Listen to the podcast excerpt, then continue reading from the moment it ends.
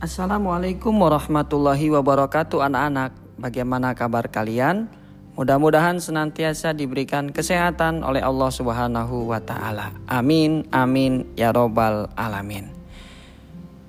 Pada kesempatan pembelajaran islamik kali ini Kita akan membahas tentang pentingnya menjaga protokol Allah subhanahu wa ta'ala di saat pandemi di antaranya tetap melaksanakan sholat secara berjamaah. Pembahasan tentang pentingnya sholat berjamaah ini ada di buku Islamik kalian kelas 7 halaman 58 SMP Azari Islamic School Lebak Bulus Jakarta. Mudah-mudahan pembahasan kita tentang menjaga sholat berjamaah kapan pun dan di mana pun kita berada menjadi ilmu yang bermanfaat ilmu yang bermanfaat, ilmu yang bisa kita amalkan dalam kehidupan kita sehari-hari. Amin, amin, ya Robbal 'Alamin. Baik, anak-anak yang Ustadz banggakan, berbicara tentang sholat berjamaah. Sholat berjamaah ini adalah sholat yang dikerjakan oleh dua orang atau lebih. Yang pertama menjadi imam, yang kedua dan selanjutnya kita sebut sebagai makmum. Perintah melaksanakan sholat berjamaah ini ada dalam surat Al-Hajj ayat ke-77 di mana Allah Subhanahu wa taala sampaikan dalam ayat tersebut pentingnya kita menjaga protokol Allah Subhanahu wa taala di saat pandemi seperti ini. Kita taati protokol kesehatan, menjaga jarak, selalu mencuci tangan dan protokol-protokol kesehatan lainnya kita taati tapi ada yang lebih penting lagi dari itu semua.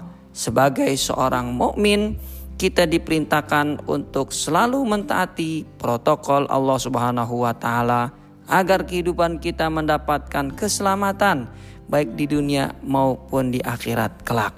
Hal ini sebagaimana yang Allah Subhanahu wa taala firmankan dalam Al-Qur'an surat Al-Hajj ayat 77 yang berbunyi أعوذ بالله من الشيطان الرجيم يا أيها الذين آمنوا اركعوا واسجدوا واعبدوا ربكم وافعلوا الخير لعلكم تفلحون yang artinya hai orang-orang yang beriman di ayat ini Allah panggil kita dengan panggilan yang sangat indah. Kita dipanggil dengan panggilan hai orang-orang yang hatinya ada keimanan kepada Allah Subhanahu wa taala. Di dunia kita dipanggil dengan panggilan yang baik. Mudah-mudahan nanti di yaumil kiamah kita juga akan diperlakukan dengan perlakuan yang baik oleh Allah diampunkan dosa-dosa kita dan dimasukkan ke dalam surga.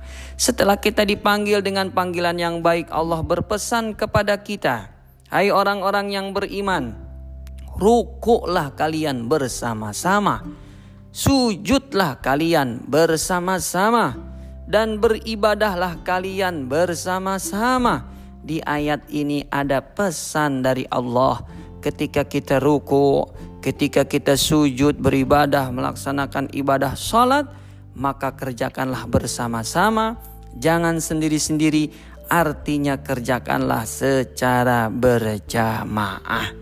Dan berbuatlah kebajikan kata Allah Subhanahu wa taala di ujung ayat agar kalian mendapatkan keuntungan baik keuntungan di dunia hidup kita diberikan kemudahan begitu juga keuntungan kelak nanti di omil kiamah kita akan dimasukkan ke dalam surganya Allah Subhanahu wa taala. Dari ayat ini para ulama menerangkan kepada kita hendaknya kita sebagai orang yang beriman senantiasa melaksanakan sholat apa pun kondisinya, terutama kerjakanlah sholat dalam keadaan berjamaah. Di masa pandemi seperti ini kita mungkin sulit untuk melaksanakan sholat berjamaah di masjid, maka kerjakanlah di rumah kita masing-masing bersama ayah kita, bersama ibu kita, bersama saudara kita. Di samping kita bisa melaksanakan perintah Allah sholat berjamaah, kita dapat keuntungan belajar menjadi imam dalam praktek sholat berjamaah khususnya buat yang laki-laki. Mudah-mudahan ayat ini menginspirasi kita untuk senantiasa menjaga protokol Allah Subhanahu wa taala. Di antaranya adalah melaksanakan sholat berjamaah di mana pun kita berada. Amin, amin, ya Rabbal Alamin. Pada pembahasan berikutnya, nanti kita akan bahas lagi tentang sejarah sholat berjamaah dan siapa saja yang disyariatkan untuk sholat berjamaah. Tentunya juga kita akan membahas apa hukum sholat berjamaah itu sendiri. Mudah-mudahan berjumpa lagi pada sesi berikutnya. Ustadz cukupkan sampai di sini. Wassalamualaikum warahmatullahi wabarakatuh.